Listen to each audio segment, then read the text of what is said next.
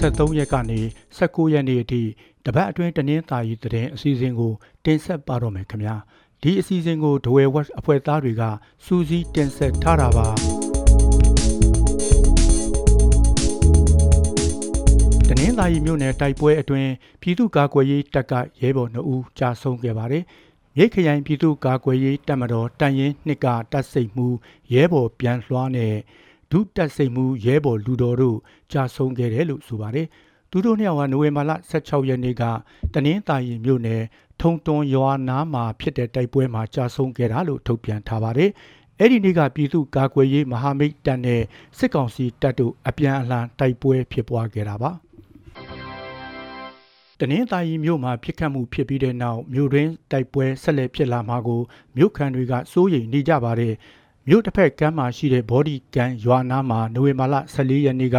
စစ်ကောင်စီတပ်နဲ့တနေကုန်တိုက်ပွဲဖြစ်ပွားခဲ့တယ်လို့ပြည်သူ့ကာကွယ်ရေးမဟာမိတ်တပ်ကထုတ်ပြန်ထားပါတယ်။အဲ့ဒီတိုက်ပွဲမှာစစ်ကောင်စီတပ်သားအချို့ထိခိုက်ဒေဆုံးပြီးအရသားတအူးလည်းကြီးထိမှန်ဒေဆုံးခဲ့တယ်လို့မြို့ခံတွေကပြောပါတယ်။အဲ့ဒီနေ့မှာပဲတနင်္သာရီမြို့နယ်တဲကအရှိမော်တုံးနဲ့အနောက်မော်တုံးရွာမှာလည်းပြည်သူ့ကာကွယ်ရေးမဟာမိတ်တပ်နဲ့စစ်ကောင်စီတပ်တို့တိုက်ပွဲဖြစ်ခဲ့ပါတယ်။ အဲ့ဒီတိုက်ပွဲမှာစစ်ကောင်စီတပ်က9ဦးထက်မနည်းတေဆုံးပြီး6ဦးထက်မနည်းဒဏ်ရာရခဲ့တယ်လို့ပြည်သူ့ကာကွယ်ရေးတပ်မြိတ်ခရိုင်တန်ရင်နှစ်ကထုတ်ပြန်ထားပါတယ်။ပြည်သူ့ကာကွယ်ရေးတပ်ဘက်ကလည်းတအူးမစိုးရိမ်ရတဲ့ဒဏ်ရာရခဲ့တယ်လို့ဆိုပါတယ်။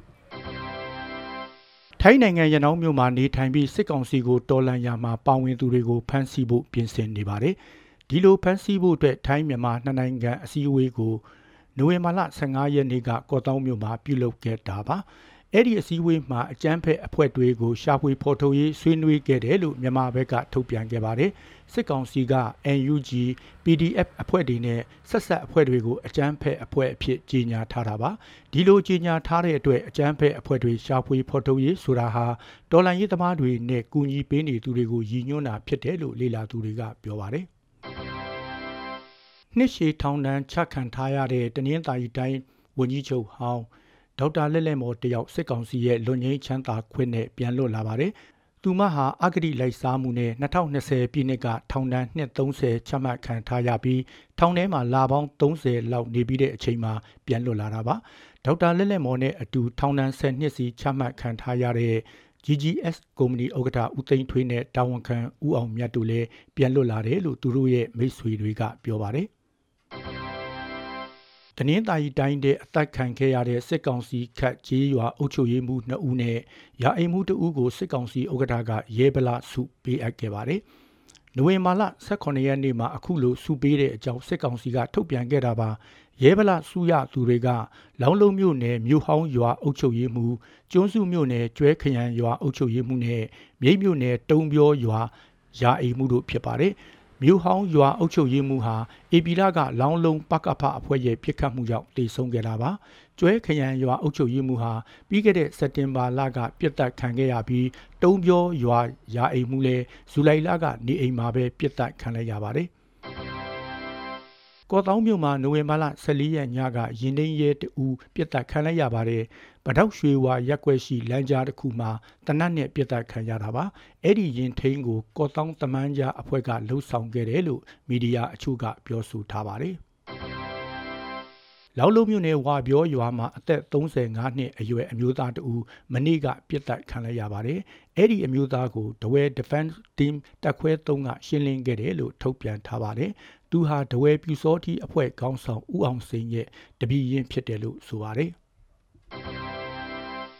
လောင်းလုံးမြို့နယ်ကရင်ကြီးရွာကအမျိုးသားတဦးဟာနိုဝင်ဘာလ15ရက်နေ့ကပြစ်တက်ခံရတယ်လို့ဒေသခံတွေကပြောပါတယ်။ အဲ့ဒီအမျိုးသားကိုတဝဲဒေသရှိ PDF အဖွဲ့၃ဖွဲ့ကပူးပေါင်းရှင်းလင်းခဲ့တယ်လို့ထုတ်ပြန်ထားပါတယ်။အဲ့ဒီအမျိုးသားဟာစစ်ကောင်စီတပ်သားတွေရွာထဲဝင်လာခြင်းလမ်းပြတာလက်နက်ကင်ဆောင်တာလူသက်ဓမြတိုက်တာအပြင်ငါးဖမ်းလှေတွေစီကစက်ကြီးကောက်ခံတာတွေလုပ်နေလို့ရှင်းလင်းရတာဖြစ်တယ်လို့ထုတ်ပြန်ချက်ကဆိုပါတယ်။အဲ့ဒီထုတ်ပြန်ပြောဆိုချက်နဲ့ပတ်သက်ပြီးတီးခြားအတိမပြုနိုင်သေးပါဘူး။ နိုဝင်ဘာလ14ရက်နေ့ကပလောမြို့နယ်ကဒဲကြီးရွာထဲ drone နဲ့ဘုံချခံရပြီးဇနီးမောင်နှံတို့ထိမှန်ခဲ့ပါတယ်။အဲ့ဒီနေ့နေ့လယ်က drone နဲ့ဘုံချခံရခြင်းဈေးရောင်းပြီးစိုက်ကယ်နဲ့ပြန်လာတဲ့ဇနီးမောင်နှံကိုထိမှန်ခဲ့တာလို့ဒေသခံတွေကပြောပါတယ်။အဲ့ဒီဇနီးမောင်နှံဟာဒဏ်ရာအပြင်းထန်ရသွားတဲ့အတွက်ဆေးရုံမှာအရေးပေါ်ကုသမှုခံနေရတယ်လို့ဆိုပါတယ် ဒရုန်းနဲ့ဘုံချတာကိုစစ်ကောင်စီတပ်ကပြုလုပ်ခဲ့တယ်လို့ဒေသခံတွေကပြောဆိုကြပေမဲ့တိကျအတိမပြုနိုင်သေးပါဘူးလောင်းလုံးမြို့နယ်ဂေါ်အင်းရွာရှိကျေတောင်ကျောင်းဆရာတော်အပါဝင် ကိုရင်တွေနဲ့ဘုန်းကြီးကျောင်းသားတွေဟာနိုဝင်ဘာလ14ရက်မနေ့စောစောကဖမ်းဆီးခံလိုက်ရပါတယ်စစ်ကောင်စီတပ်သားအများအပြားလာရောက်ဖမ်းဆီးသွားတာဖြစ်ပြီးဘာအတွက်ကြောင့်ဖမ်းဆီးခံရတယ်ဆိုတာကိုတော့မသိရသေးပါဘူး။ ဒါအပြင်ကြောင်းပိုင်ကားတစ်စီးကိုလည်းလိုင်စင်မရှိဘူးဆိုပြီးတင်စီသွားတယ်လို့တကားတူကပြောပါတယ်။ PDF တွေနဲ့ဆက်သွယ်တယ်လို့ဆွဆွဲပြီးဆရာတော်ကိုဖမ်းဆီးသွားတယ်လို့သတင်းထွက်နေပါတယ်။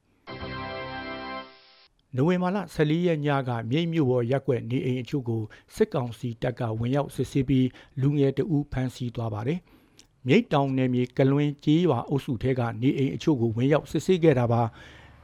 နေဒေသကနေစစ်ဘေးရှောင်လာသူတွေနေထိုင်တဲ့နေရာတွေကိုဝင်ရောက်စစ်ဆေးခဲ့တာလို့ဒေသခံတွေကပြောပါတယ်ဒီလိုစစ်ဆေးရာမှာလက်ကင်ဖုန်းထဲနိုင်ငံခြားနဲ့ငွေလွှဲထားတာကိုတွေ့တဲ့လူငယ်အမျိုးသားတဦးကိုဖမ်းဆီးသွားတယ်လို့ဆိုပါတယ်တဝဲမြစ်တူးဖို့အတွက်ကနဦးဖြစ်မြောက်နိုင်စွမ်းလေးလာဖို့စစ်ကောင်စီကကုမ္ပဏီတစ်ခုကိုလုတ်ကင်ခွင့်ပြုထားလိုက်ပါတယ်။တဝဲမြစ်ကြောင်းတဲတောင်တူးဖော်ရေးမြစ်ကြောင်းရှင်းလင်းရေးအတွက်ခင်မြန်မာကုမ္ပဏီကိုရွေးချယ်ထားတာပါမြင်းဝါဖြစ်တဲ့ပြင်ကြီးကျွန်းကနေတဝဲမြို့အထိတူးဖော်မယ်လို့ဆိုပါတယ်ဇူလိုင်လ15ရက်ကတရချောင်းမြို့မှာလုပ်တဲ့တွေ့ဆုံပွဲမှာမြမစိတ်ကန်းအာနာပိုင်ယုံတာဝန်ရှိသူနဲ့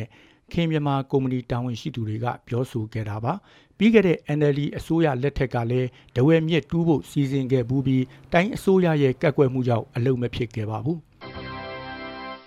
မြိတ်မြို့အင်းလီမြိုင်စက်မှုဇုံရှိငါးအမှုတ်ကျိတ်စက်ယုံငါးကန်အတွင်းအောက်ဆီဂျင်ပြတ်ပြီးအမျိုးသား3ဦးသေဆုံးသွားပါတယ်။နိုဝင်ဘာလ23ရက်ညကဝန်ထမ်းတယောက်ဟာငါးအမှုတ်ကျိတ်တဲ့ငါးကန်ထဲတပ်ရှင်းရေးဆင်းလို့ရမှမူးမိလဲကျသွားတာပါ။၎င်းကိုဆင်းကယ်ရာဆင်းကယ်သူအပါဝင်အမျိုးသား3ဦးသေဆုံးခဲ့ရပြီးမန်နေဂျာအပါဝင်ဝန်ထမ်း3ဦးလည်းဆေးရုံမှာအရေးပေါ်ကုသခံနေရကြောင်း၎င်းကဆိုပါတယ်။ ထိုင်းမြန်မာနယ်စပ်ရနောင်းခရိုင်မှာမြန်မာကလေးတဦးကိုထိုင်းနိုင်ငံသားကခိုးယူပြီးလမ်းဘေးမှာဆွတ်ပစ်ခဲ့ပါတယ်။ကလေးရဲ့မိဘတွေက လောင်းလုံးမြို့နယ်ပန်းတလဲရွာဇာတိဖြစ်ပါတယ်။မုတ်ဝဲကျွေးမယ်ဆိုပြီးကလေးရဲ့အဖိုးအဖွားလက်ထဲကနေဒီဇင်ဘာလ16ရက်နေ့ကခိုးယူသွားတာပါ။အခိုးခံရတဲ့ညနေမှာပဲကလေးခိုးသွားတဲ့နေရာကနေ6မိုင်ကျော်အကွာလမ်းမဘေးတနေရာမှာကလေးကိုဆွတ်ပစ်ထားခဲ့ပါတယ်။ အခုရက်ပိုင်းအတွင်းအချိန်အခါမဟုတ်မိုးရွာလို့တဝယ်နဲ့မြိတ်ခရိုင်ကလယ်သမားတွေအခက်တွေ့နေကြပါတယ်။စပားရိတ်သိမ်းပြီးချိန်မိုးရွာလို့အခက်ကြုံတွေ့နေရတာပါ။မိုးရွာချိန်မှာရိတ်သိမ်းလက်စစပားတွေကိုမိုးကနဲ့လိုက်ဖုံးရတာအပြင်စပားရိတ်တဲ့အလုပ်ပါနားထားရတယ်လို့ဆိုပါတယ်။ဒါအပြင်စပားပင်တွေလဲကျသွားလို့ရိတ်ချွေစက်နဲ့ရိတ်သိမ်းရခက်ပြီးအချိန်ပူကြနေတယ်လို့လယ်သမားတွေကပြောပါတယ်။မြိတ်မြို့နယ်9အင်းကျေးရွာမြို့ဆောင်လမ်းရှိ ရောဘာမှိုင်းခံအဆောက်အုံတစ်လုံးဒီနေ့နေ့လယ်ကမီးလောင်ကျွမ်းခဲ့ပါတယ်။ရောဘာမှိုင်းခံတဲ့မီးဖိုကနေစလောင်ခဲ့တာလို့ဆိုပြီးရောဘာပိတ်တာထောင်ချီမီးလောင်ခဲ့တယ်လို့ဒေတာခန်တွေကပြောပါတယ်။အခုလိုနားဆင်ပေးခဲ့တဲ့အတွက်ဂျေဇူးအထူးတင်ရှိပါတယ်ခင်ဗျာသောတာရှင်များကျမ်းမာချမ်းသာပြီးကပ်ပြီးအပေါင်းမှာဝေးနိုင်ကြပါစေလို့ဒဝဲ watch ဝိုင်းတော်သားများကစုမုံကောင်းတောင်းလိုက်ပါတယ်ခင်ဗျာ